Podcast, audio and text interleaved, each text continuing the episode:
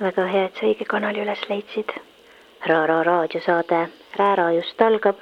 siin hakatakse kohe rääkima raamatutest. kisub põnevaks. tere jälle siit Rahvusraamatukogust ja me räägime raamatutest vististi juba kolmandat korda. Oleme siia laua peale kokku korjanud enne kallist jõuluaega nii mõnedki raamatud, millega puhkusepoolseid nädalaid lahedasti veeta saaks, ükskõik, kas te siis kougite need raamatud enda jaoks välja raamatukogudest, aga ma usun, et mõned on täitsa poes veel saada ja kõlbavad nii kingikotti kui mujale. Hannele Kaldmaa, kolleeg ja kirjanik on täna siin juttu vestmas, mina endiselt Karl-Martin Sinijärv. soovid sa alustuseks midagi enda poolt veel ütelda äh,? tere, mina olen, olen jah Annelele Kaldma. Äh, mul just eile oli esitlus, minu teine luulekogu Sinustki võib saada fossiil, et ma kõigepealt saan selle, selle asjaga ühele poole, et öö, äh, omaenda raamatut ka põgusalt öö, äh, tutvustada või lihtsalt näidata et öö, annaksin selle lugemiseks sullegi. ei, minukene tänab, ma arvan, et äh, nii värsket raamatut ei ole meil siit saatest veel läbi lipsanud äh,. vaatame, kes rekordi lööb. see peab siis otse trükikojast jooksma äh,. mul on siin alustuseks niisugune suhteliselt hirmuäratavalt paks ja tõsine raamat, pealtnäha hirmuäratavalt paks ja tõsine.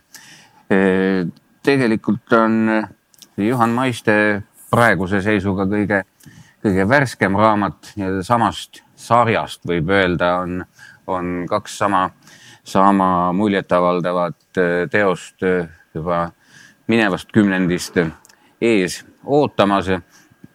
Nii et kes tahab ikka väga tõsiselt ette võtta ja aega veeta, võtku kohe kõik kolm ja alustagu algusest, mitte et need oleksid professor Maiste ainsamad raamatuid, raamatuid on veel. aga mis mulle just nende ja eriti selle, selle, selle kõige vastsema asja puhul meeldib eriti, on selline, selline ülim ja, ja hästi üldinimlik kultuursus, kultuurilisus ja kultuuriarmastus. siin on esseesid ja, ja uurimusi mitmes keeles, mitmetel teemadel.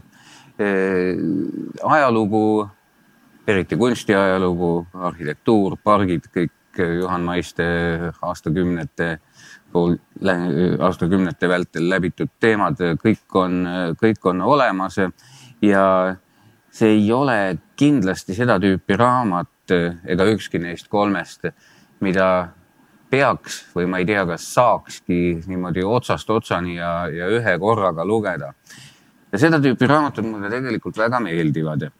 E, neid jätkub maru kauaks, sa saad nende juurde tagasi pöörduda igal hetkel, kui see sulle sobilik tundub. E, ja leiad alati miskit uut. siin raamatus on lausa, lausa luuletusigi pikitud pikemate lugude vahele. E, aastakest ma ei julge päris täpselt öeldagi, aga, aga viisteist, kuusteist tagasi ilmus Juhan Maistel ka üks tore luulekogu In Arcadia Ego, mida ma ei tea, kas kusagilt peale raamatukogude praegu enam leida võib. aga Eesti luulepildis üks kahtlemata kõige lopsakamaid, värvikamaid, rammukamaid ja, ja Euroopa kultuurist sõna parimas mõttes otsast otsani läbi imbunumaid tekstistikke. E, ning, ning on väga vahva, et, et isand Maiste pole, pole poeesiaga lõpparvet teinud, vaid kasutab väga maitsekalt ka, ka täitsa teist laadi raamatus oma, oma poeetilisi tekste mis liigendavad eh, teost väga hästi ja, ja tõepoolest sobivad sinna, kui ma, kui ma seda raamatut lehitsesin, ma mõtlesin, et aga miks niisugust nõksu rohkem ei kasutata, kas õpetlaste hulgas on lihtsalt vähe luuletajaid või ei peeta seda paslikuks. ma arvan, et Juhan Maiste on oma teostega juba sellisele tasemele või tasandile jõudnud, et põhimõtteliselt võib teha ükskõik mida. ja, ja säherduse professionaalsuse või virtuoossuse juures noh, kukub see ka täiesti loomulikult välja ma ei tea, kui paljukest sina, sina oled, oled tema teemadega ja, ja teo, teostega tuttav, aga, aga mu arust on see küll sedasorti kraam, mida tasub inimestele soovitada. lugege kasvõi natuke, siis jätkub eluks ajaks. Mina ei ole sellega ka üldse kokku puutunud, nii et saan kohe endalegi raamatusoovituse. et äh, mulle meeldib ka muidu öökapil hoidagi neid raamatuid, mida järjest ei saa lugeda näiteks kirjavahetusi, et loed aeg-ajalt ühe kirja või ühe essee ja siis paari päeva pärast järgmise. jah, ja noh, ütleme luuletajana tead ju isegi, et ülivähe on näiteks selliseid luulekogusid, mida on tõesti võimalik ja mõistlik äh, lugeda kaanest kaaneni ja korraga, vaid pigem sa ikkagi võtad neid vähehaaval. on niisugune kange kraam, mis teha. žanr on säherdune. ma olen isegi vaadanud mõnikord, et, et nii mitmedki muusikakollektiivid, kelle loomingut ma väga austan ja armastan, ma ei ole tahtnud nende kõiki plaate otsast otsani läbi kuulata, sest ma tean, et mul on alati natuke kusagil veel varuks. ja, ja see on ka omaette hea kuulamise viis.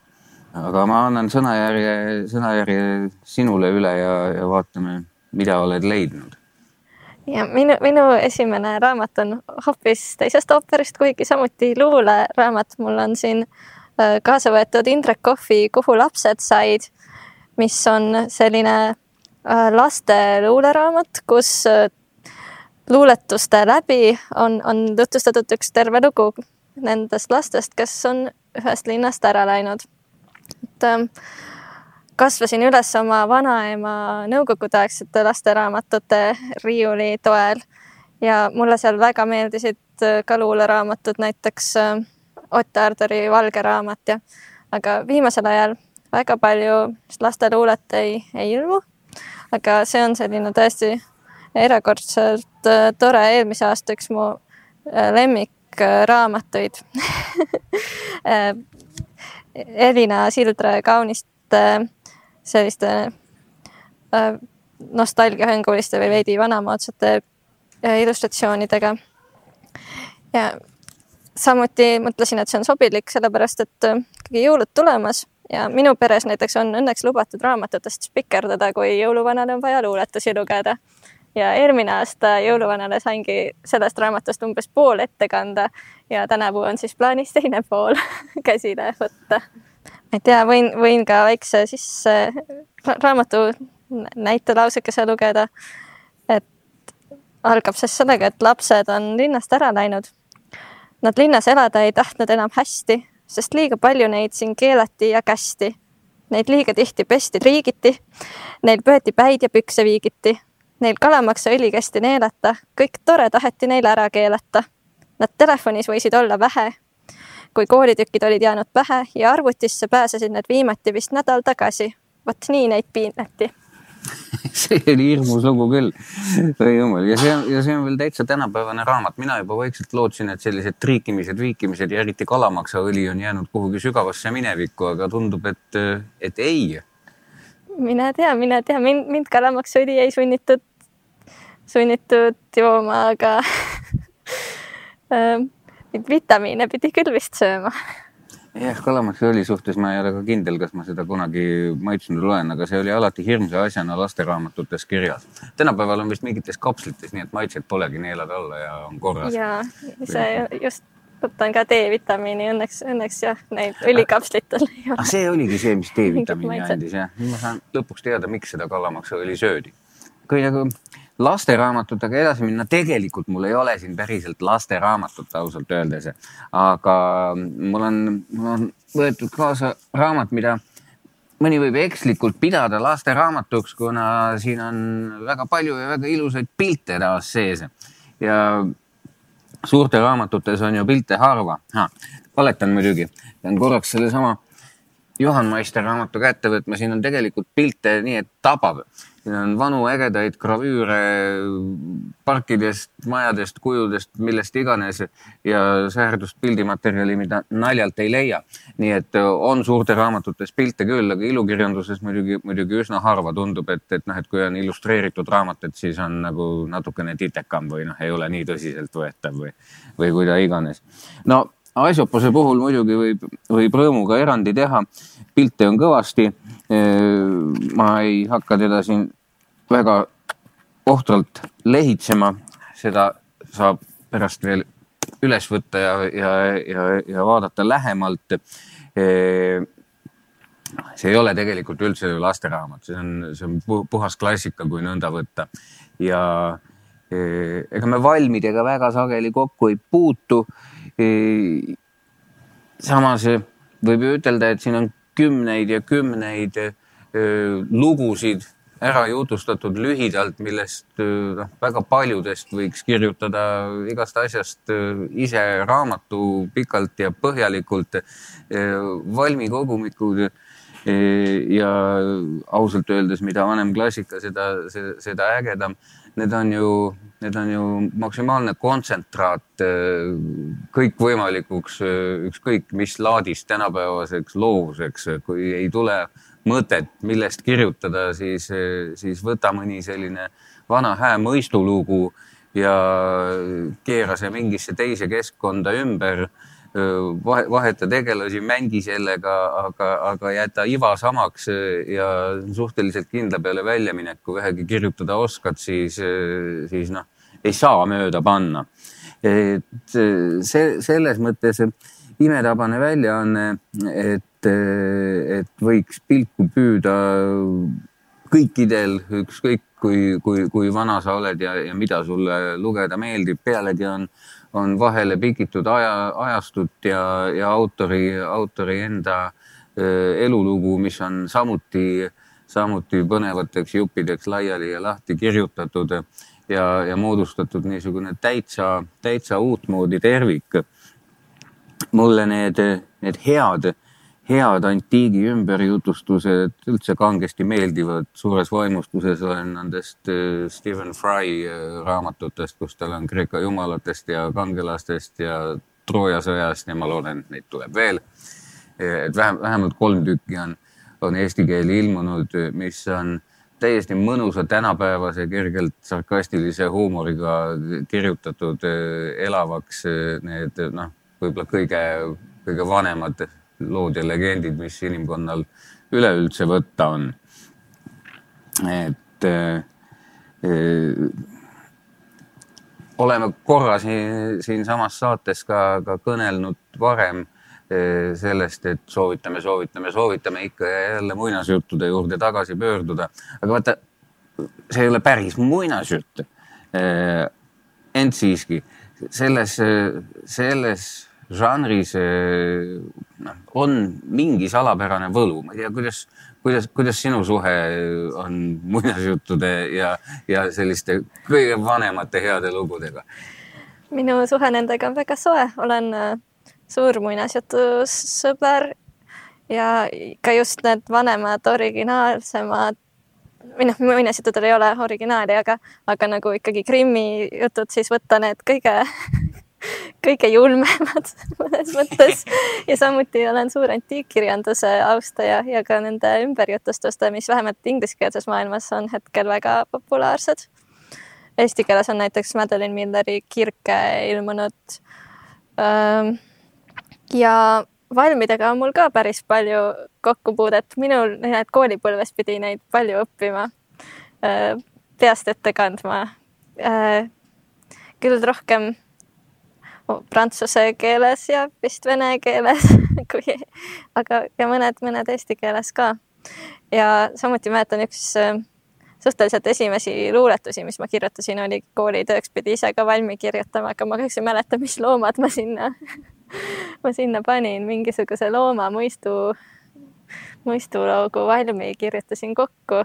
olin ise väga uhke tol hetkel, mingi viies klass äkki. See päheõppimine, see tuleb nüüd meelde küll jah, see oli päris hirmus, ega need asjad ei tahtnud sugugi pähe jääda. aga õnneks sai alati ära petta sellega, et kui tunned, et, et on tulemas see koht, mis meeles ei ole, siis luuletad sinna kiiresti mingisuguse uue rea ja kui suudad seda piisavalt nagu tooni muutmata ette kanda, siis üldjuhul ei pandud tähele. minu nipp, kui nüüd õpetajad vaatavad, siis nad saavad teada küll, oli see, et ma olen väga osav lugeda teksti ka tagurpidi ja kuna ma istusin esimeses pingis sageli, keegi teine ei olnud nõus seal istuma siis äh, ma jätsin raamatu laua peale lahti ja siis klassi ees seistes lugesin lihtsalt tagurpidi raamatust. Need kohad, mis meeles ei olnud, äh, maha. mina, mina, mina ei teagi, kas see niisugune päheõppimine tähendab ilmselt ikkagi mälu treenimise mõttes on, on seal mingi, mingi mõte taga, aga, aga ma, ma kahtlustan, et kui, kui seda liiga palju rakendada, siis, siis kirjandusest ja headest lugudest võib mõnegi inimese sellega hoopistükkis, hoopistükkis eemale peletada võib-olla aruk, arukam on neil lasta rohkem ise kirjutada, kui, kui pähe õppida. Ja kõigi õnneks ja jõulu, jõulude puhul on hea, et mõned asjad on veel koolist saati meeles ja minul vähemalt just need, mis ma keelt võib-olla nii hästi ei osanud ja pidin õppima kuidagi hästi palju lihtsalt kõla meelde jätma. nii et äh, kõik eestikeelsed luuletused on mul peast meelest läinud, aga vene keeles Puškin ja Lermontov Äh, tulevad siiamaani käsu peale. Läheme, läheme Aisopause ja muinasjuttude juurest edasi või on sul siin, see näeb ka põneva pildiga raamat välja, äkki on muinasjutt? veidi võib-olla muinasjutuline küll. Ähm, mul on siin kaasas äh, Diego Arboleda kortsutatud paberid. Äh, selle on välja andnud kirjastus Toledo, kes eesti keelde tõlgivad ja välja annavad äh, Hispaania raamatuid ja hispaaniakeelse maailma raamatuid ehk siis ka Ladina-Ameerikast. ja see on üks selline lasteraamatute autor, kelle raamatuid neil on mitu tükki tulnud. see on neist kolmas ja minu lemmik, et kevadel sain selle näppu ja ma loen sellisest äh, huvist lastekirjanduse vastu endiselt laste, lasteraamatuid ja see on mu üks selle aasta lemmikuid Äh, tegevus toimub siis melanhoolikute sanatooriumis kus äh, sanatoorium on aastal kolmkümmend seitse, on, on sõda, on, on tühi, seal on ainult sanatooriumi pidaja ja tema lapselapsed, kes, üks on poiss, kes loeb lugusid, mida ta poleks tohtinud lugeda ja teine on tüdruk, kes näeb liiga palju unenägusid. ja tasapisi tekib sinna veel selliseid veidraid tegelaskujusid ja, ja hakkab tegutsema üks äh, koletis äh,. Mulle, mulle see väga meeldis nii selle teatava ajaloolise tausta poolest, mis, mis siia sisse on kätketud äh,. sõjaaeg, viited on siin ka Hispaania, Hispaania siis äh, kultuuriloole, Picasso ja äh, on siin väga näiteks oluline mitte küll tegelane, aga, aga üks tema maalidest. Äh, aga lugu ise ka erakordselt äh, huvitavalt ja kaasahaaravalt põim kõik need erinevad süžeeliinid ja peatükk, kuskil esimestes peatükkides sisse pandud vihjed kokku üheks äh, selliseks lastemüsteeriumiks, mis on nagu korraga naljakas ja tõsine ja räägib äh, väga tõsisest teemast, äh, aga, aga minu arust väga-väga sobilikult kõigile siis eagruppidele. koletis on, aga, aga liiga verine ei ole? koletis ei ole verine, koletis äh, on rohkem nagu abstraktne kunstiteos. kas, kas siin on ehk kusagil ka temast pilti no selge no,. koletis ja, ja koletis on võib-olla siis inimeste hingedes selline mingi sõja, sõjaaja koledus. Jah, siis on, siis, siis, siis on ikka niisugune krutskikas ja mutkikas raamat, et, et niisugused vanakooli muinasjutud olid ikka, mäletad, oli selline Ungari muinasjuttude kogumik nagu Imeflööt. mäletan. seal vist ei olnud naljalt juttu, kus, kus pead ei lendaks. ikka väga verine, väga verine värk ja, oli. minu lapsepõlvel lemmiklugu mõnda aega oli Krimmi lugu äh, tüdrukust, kellel raiutakse käed maha oh jumal.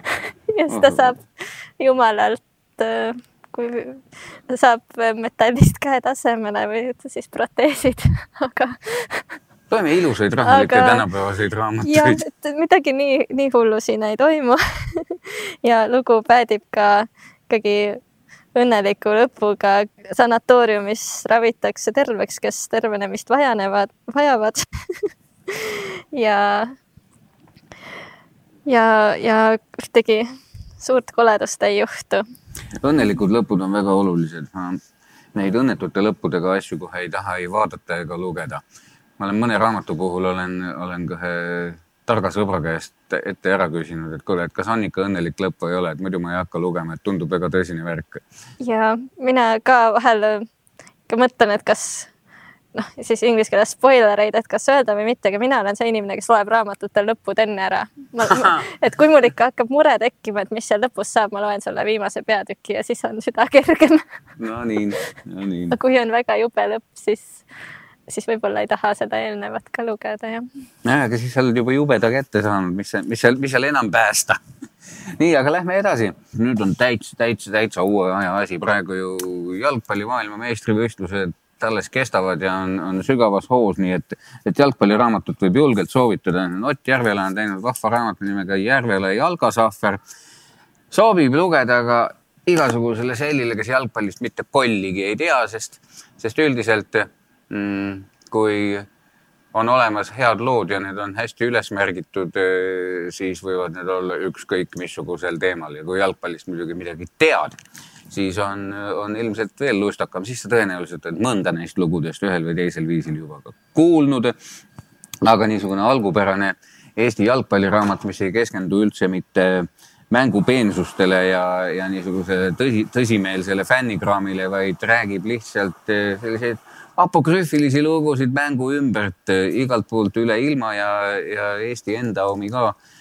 see, see on väga mõnus ja meelelahutuslik lugemine, et minu, minu, minu arvates eh, niisuguse suhteliselt sportlikku jõulueelsesse aega, nagu praegu on, pool telekat on kogu aeg jalgpalli täis, eks ole, ja pooled inimesed on kas jalgpalli või lihtsalt niisama suurest rõõmust sealsamas täis siis, siis eh, just sedasorti kergem, kergem eh, lu- lugemine absoluutselt kõigile sobib, ma ei kujuta ette inimest, kes ütleks selle kohta, et kuule, see on ju mingisugune jama, et, et väga, väga, väga, väga tore, väga tore raamat, mina, mina, mina soovitan siia aasta lõppu küll selle, selle ette võtta ja, ja ma loodan, et, et kuivõrd lugusid jalgpalli ümber on veel ja neid tekib kogu aeg juurde, siis ma loodan, et sellele tuleb ka järgesid.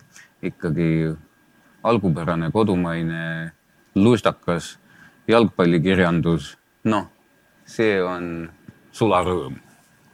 kas soovitaksid seda ka äh, minusugusele inimesele, kes jalgpalli vist, ma tean, ma olen umbes viis korda elus pidanud vaatama miskipärast Euroopa meistrivõistluste finaale.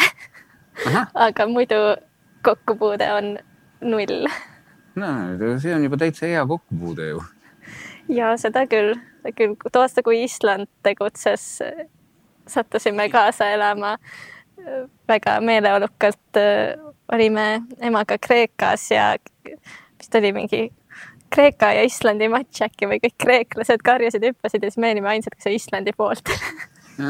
kreeklastelgi õnnestus kunagi Euroopa meistritiitel kätte saada, keegi seda ei osanud ennustada, kihlveokontorite suhe oli vist üks viiele tuhandele või nõnda. aga, aga näe, õnnestus. nii et jah, kindlasti sobib sulle ka täitsa, täitsa rõõmsalt, mina ei jaga ka jalgpallist mitte midagi käisin kunagi jalgpallimängu vaatamas sõbraga, väga tore oli, Eesti ja Soome mängisid, me olime jumala kindlad, et mäng lõppes üks-üks, tegelikult lõppes kaks-null, me ütlesime, ei saanud olla kaks-null, kumbagi vära, kumbagi väravasse löödi üks pall, siis selgus, et vahepeal oli pooli vahetatud. me ei pannud tähele, me rääkisime omavahel juttu, eks, jalgpallisõbrad. aga muidu mulle väga meeldib, aru ei saa, aga meeldib. ja lugeda on väga tore, neid asju on maailmas väga palju, millest ma üldse mitte midagi aru ei saa, aga mulle meeldib nende kohta lugeda. näpu haaval hakkad aru ka saama ja mul, mul siin kolmandaks on äh, tuntud lasteraamatute autor Tove Jansson äh, Muumitrollide lugudest, aga äh, siin, lasteraamatutest äh, juba piisab ka. võtsin kaasa tema täiskasvanute, täiskasvanute raamatu Kujuri tütar. mulle väga meeldivad üleüldse tema novellikogud ja romaanid ja see on üks mu, üks mu lemmikuid üle lugeda iga mõne aasta tagant. räägib äh, veidi ka siis autobiograafiliste sugemetega lugusid, äh, kus äh, peategelaseks on ka selline laps, ilmselt, ilmselt laps Toove ja vanemad on skulptor ja kunstnik nagu tal endalgi ja igasugu naljakaid juhtumeid juhtub temaga ja selline nagu muumidest tuttav mingisugune meelsus või, või sihuke ka krutskid ja kõik on, on siin samuti sees. üks koht, millele ma väga tihti mõtlen, olles äh, ise ka kirjanik ja, ja kunstnik, on, on näiteks, kus äh, see peategelane laps saab väga pahaseks ja toob, hüüab äh, ühele teisele tegelasele siis kõige suurema, ütleme, sõimusõna, mis ta oskab kuuldavale tuua ja hüüab talle. sina pole kellegi üllatus, sa ei saa aru, kuna sa pole kunstnik. asja armastaja, sa oled asja armastaja, sa pole üldsegi tõeline nojah, aga samas ega asjade armastamises ka otseselt midagi halba ole. muidugi mitte ja väga väga hind, hindan asja armastajaid ja ka mõtlen sellele aeg-ajalt justkui, kui ka sellise, et see võiks olla nagu vastupidi ka kiidusõna, et kui keegi hüüab sulle, et pole üldsegi tõeline ainult asja armastaja, et, et äkki see on, see on ikka omamoodi väga tore väga tore oleks olla ka sellise hüüatuse kuulja et sain, sain ka hea raamatusoovitusest, seda ma tõesti pole lugenud, aga, aga mulle on alati meeldinud kogu see Jansoni maailm ja, ja peab ütlema, et mida aeg edasi, seda rohkem meeldib, et, et väikse lapsena lugesid teda ühtemoodi, suurema lapsena teistmoodi ja, ja nüüd hoopis kolmandat moodi minu meelest aina paremaks läheb. et, et üha, üha, üha enamat sa seal sees näed ja hoopis teistsugune huumor tuleb välja ja hoopis teistsugused allhoovused ja, ja, ja, ja selline väga isikupärane tõsidus heas mõttes. ja täpselt nii, mulle meeldib neid kõike üle lugeda, et novembrikuus ongi võib-olla ka hilja novembris näiteks täiuslik, täiuslik lugemine ja, ja tõesti ka nendes täiskasvanute raamatutes on, on täpselt samasuguseid, samasuguseid asju. ma otsisin siit ühe koha veel välja. näiteks äh, möödub ta siin koos, koos kellegiga, keda ta kutsub pojuks äh, hirmsast majast, millest möödudes ütleb, hoia hinge kinni, kui sealt mööda lippad, muidu tuleb kõdu välja ja võtab su kinni. pojul on alati nohu. ta oskab klaverit mängida ja hoiab käsi alati enda ees, otse kui kardaks kallale tungimist. mina hirmutan teda alati ning ta käib alatasa mu kannule, et hirmutatud saada et see on peatükk Pimedus pimedatel novembri aegadel on väga aktuaalne ja selline teatav lapselik rõõm hirmutatud saamisest äh, on, on samuti väga tuttav nii lapsepõlvest kui ehk praegusestki ajast.